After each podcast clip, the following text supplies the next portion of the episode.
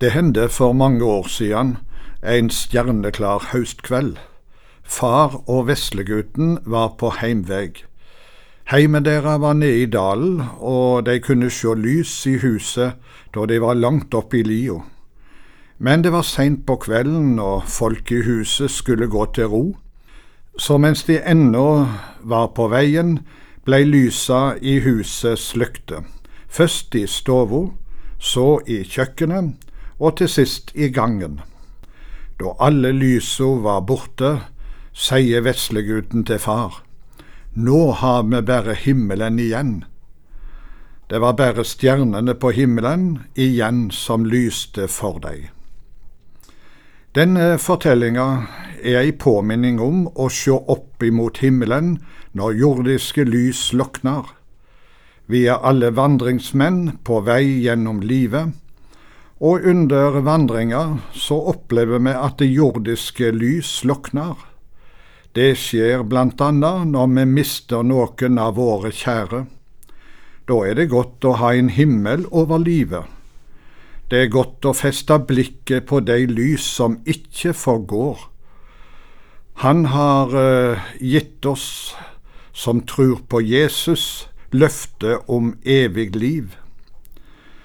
Det er allehelgenssøndag i dag, og vi minnes alle de som har nådd fram til himmelen. Gud har gitt oss ei store trøst, og det er at om jordiske lys og goder slukner, så har vi himmelen igjen, slik smågutten sa det til far sin. La oss be om at Gud må få tale denne trøst inn i vår sjel i dag. Kjære himmelske Far, jeg ber om at uh, du må nå møte oss i ordet i dag. Jeg ber spesielt for deg som nå sitter i sorg og saken, og kjenner på at en plass i heimen er tom. Må du løfte blikket deres opp imot deg og gi dem trøst og mot. Takk for at du kan gi oss ei evig trøst som ingen andre kan gi. Amen. Teksten for allehelgenssøndag dette året står i Lukasevangeliet kapittel 6, vers 20 til 23. Da så han opp feste auga på læresveinene sine og sa, Sele det fattige, Guds rike er dykkar. Sele det som no svelt, det skal mettast. Sele det som no gret, det skal le. Sele er det når folk for menneskesonens skyld hater dykk, støyter dykk ut og spotter dykk og kaster navnet dykkar fra seg som noe vondt. Gled dykk på den dagen og hoppa av fryd. Stor er løna dykkar i himmelen. Det samme gjorde fedrene deira med profetane. Slik lyder Herrens ord. I denne teksten møter vi ordet sele, eller salige. Mange av oss er mest vant med å bruke ordet salig, men ordet sel betyr jo det samme. Her i denne korte teksten gjentar Jesus dette ordet fire ganger. Det er et ord som vi finner mange ganger ellers i Bibelen, og vi kan spørre hva betyr det ordet? Jo, å være salig er å bli gjort lykkelig. Slik står det i Norsk bibelleksikon. Tenk det, når Jesus sier at det er en del mennesker som er salige, så er det mennesker som er blitt gjort lykkelige av Gud. Og denne salighet som Jesus taler om, det er toppen av all lykke. Større lukka og glede kan altså ingen gi oss del i. Det er bare Gud som kan det. Det første vi skal legge merke til, er at denne sela som Jesus taler om, den begynner her på jord, altså mens vi lever her. Den begynner ikke i døden, for døden forandrer ingenting på vårt forhold til Jesus. Det forholdet som vi har til Han før døden, det har vi også etter at vi er gått herifra. Salig må vi altså bli mens vi ennå lever her på jord. Og det skjer når et menneske kommer til trua på Jesus. Bare Han kan løse oss fra synda vår. Det er dette David i Det gamle testamentet fikk oppleve. Han hadde da levd ei tid med skjulte synder i livet sitt. Men så sanna han sine synder for Gud, og da sier han, Sel er den som får sine brudd tilgjevne og sine synder tildekte. Selt er det menneske som Herren ikke tilrekner skyld, og som i si ånd er uten svik. Salme 32 David var altså salig der og da, og grunnen var at han sanna sine synder for Herren, og du tok bort mitt syndeskyld. Gud hadde altså gjort han salig, og det gjorde han ved å ta bort hans syndeskyld. Det andre vi skal legge merke til, er at eh, å være salig er ikke det samme som å ha gode og lykkelige følelser. Når Jesus taler om hvem som er salig, så sier han sele det fattige, sele det som nå svelt, sele det som nå gret, osv. Det har aldri vært gode følelser å være fattig, svelte eller å gråte, eller å bli hata av andre mennesker. Men Jesus sier at de er seler. Å være sel er altså ikke det samme som å føle godt. Det er ikke det samme som å slippe vanskeligheter her i livet. Du kan være salig midt i sykdom, smerte og tap av jordiske goder og gleder i livet. En svensk forkynner skrev i 1855 en sang nettopp om dette. Den begynner slik, Alltid salig og meg alltid glad, fer eg vegen heim til Sions stad. Om min frelser synger glad mitt kva, han har gjort meg salig. Og i vers tre sier han det slik, alltid salig trass eg mangen gong, misser motet når min veg er trong. Ennå synge glad min song, han har gjort meg salig. Det er mye kristen livsvisdom i denne sangen. Den er å finne på nummer 415 i sangboken Syng for Herren. I teksten i dag kan det ved første øyekast høres ut som at et menneske er salig når det bare er fattig, svelt, gret eller vert hata. Men nå skal vi la Bibelen forklare dette nærmere for oss. Og da leser vi i eh, Matteus 5, der Jesus taler nettopp om eh, dette, og der står det på denne måten Sele de som er fattige i ånda, himmelriket er deira. Sele de som sørger, de skal bli trøysta. Sele de audmjuke, de skal arva jorda. Sele de som hungrar og tørster etter rettferda, de skal bli metta. Vi ser her at eh, det er ikke materiell fattigdom eller hunger etter legemlig mat Jesus taler om. Det er åndelig fattigdom han taler om. Det er hunger og tørst etter å være rein og rettferdig for Gud, som det her er tale om. Ei god forklaring på dette finner vi også i Lukas 18 vers 9-14. I dette avsnittet forteller Jesus likninger om fariseeren og tolleren. Fariseeren var rik på gode gjerninger og fornøyd med livet sitt. Men tolleren sto langt unna. Han ville ikke løfte auga mot himmelen, men slo seg for bringa og sa, Gud, vær meg synder nådig. Eg seier dykk, tolleren gikk heim rettferdig, for Gud, den andre ikke, sa Jesus. Denne tolleren var en av de som var fattige i ånda. Han hungra og tørsta etter én ting, og det var å være rettferdig. Han hadde bare denne ene bøna, Gud vær meg synder nådig. Men han fikk denne fine attesten av Jesus. Han gikk heim rettferdig for Gud. Han ba om én ting, og det var nåde. Det var nok, for det er bare av nåde vi blir frelste alle i sammen. I teksten vår i dag taler Jesus også om de som må lide vondt for Jesu navns skyld. Det er mange av de.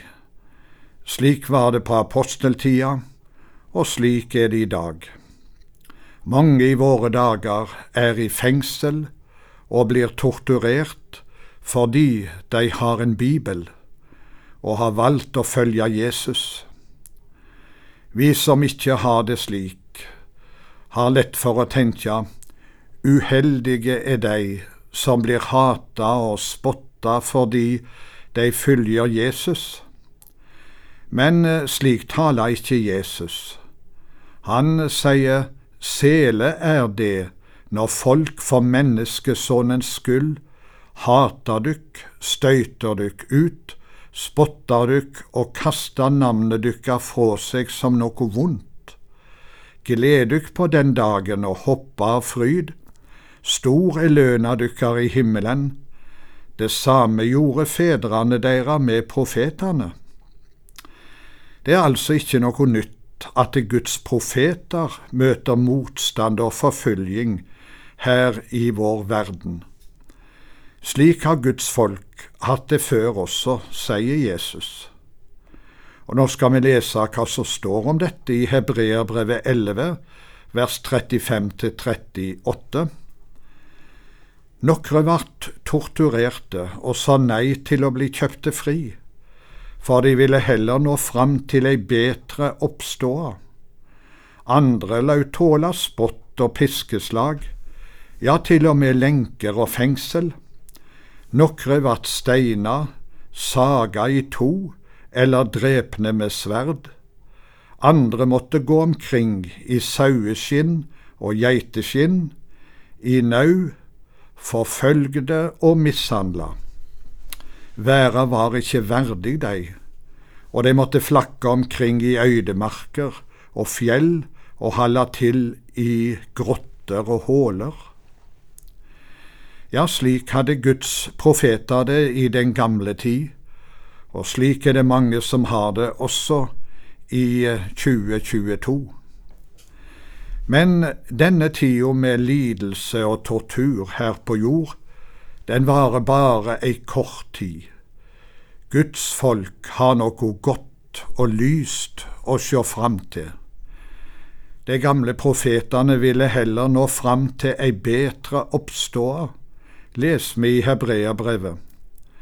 Og Jesus sier i teksten vår, Stor er løna dykkar i himmelen. Der er altså en himmel i vente for alle som tror på Jesus. Det er i glede og herligdom i vente. Den kan ikke tolkes med ord, for den overgår alle våre tanker og ord. Salmedikteren Hans Adolf Brorson har skildra noe av dette i ei av sine salmer. Den begynner slik. Den store, hvite flokk å se, som tusen berge full av sne. I vers to skildrer han hvordan de hadde det her på jord. Her gikk de under stor forakt, men se dem nu, i deres prakt for tronen stå med kronen på i himmelens prestedrakt. Sant er det i så mange nød, en tårestrøm på kinnen fløt, men Gud har dem straks de kom hjem, avtørret på sitt skjød. Fra syd og nord, fra øst og vest, de samles til hans løvsalsfest, og lammet selv ved livets elv er både vert og gjest. I dag, på allehelgens søndag, vil vi minnes de som har nådd fram til målet. De har stridd den gode striden, fullført løpet og holder fast på trua. Og så fikk de oppleve at rettferdskransen lå ferdig for deg. Nå har de fått del i et fullkomment liv. Det var en kristen bror som het Otto, som sa det slik. Når det en gang leser i avisa, i dødsannonsa, at Otto er død, så må de ikke tru på det, for da lever han som jeg aldri har levd før. For Jesus har sagt at den som trur på meg, skal leve om han så dør.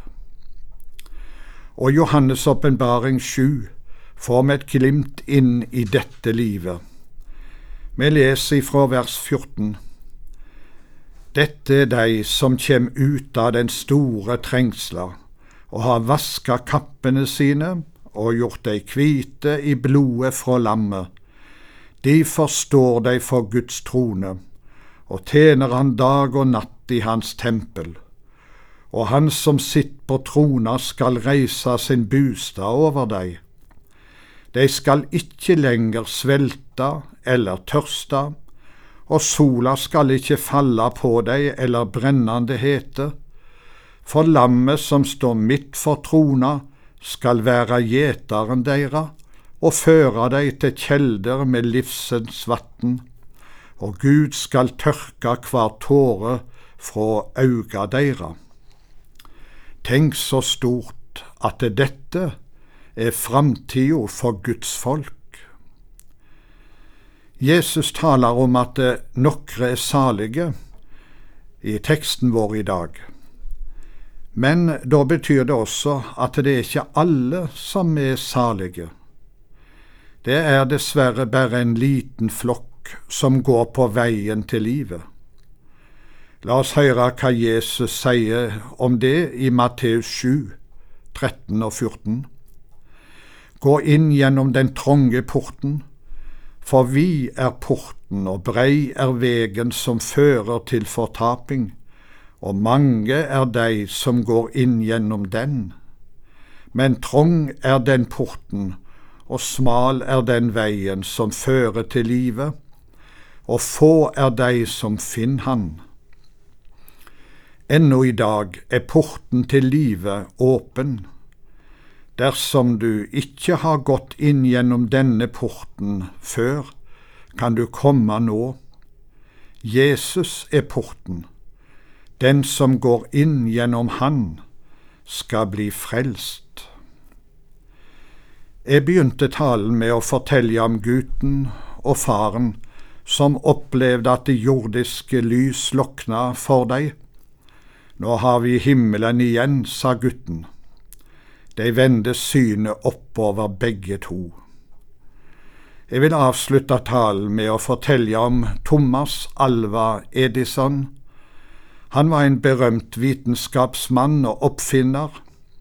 Han oppfant og utvikla mange gjenstander som har påvirka verden i stor grad, blant annet den elektriske lyspæra.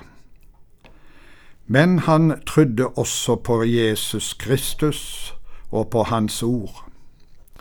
I 1931 lå han veldig sjuk, og de skjønner at det nå gikk det mot slutten. En dag sto legen ved senga hans. Legen så at Thomas ville si noe, men han var så svak i stemma at legen klarte ikke å høre hva han sa. Så bøyde legen seg ned til eh, ansiktet hans, og da hørte han at Thomas sa, Det er ufattelig vakkert på den andre sida. Det var hans siste ord. Og så flytta han over til den andre sida, til Guds bostad. En sangforfatter har sagt det slik, Hvor salig da den som når alt farer hen, har Jesus og himmelen igjen. Amen.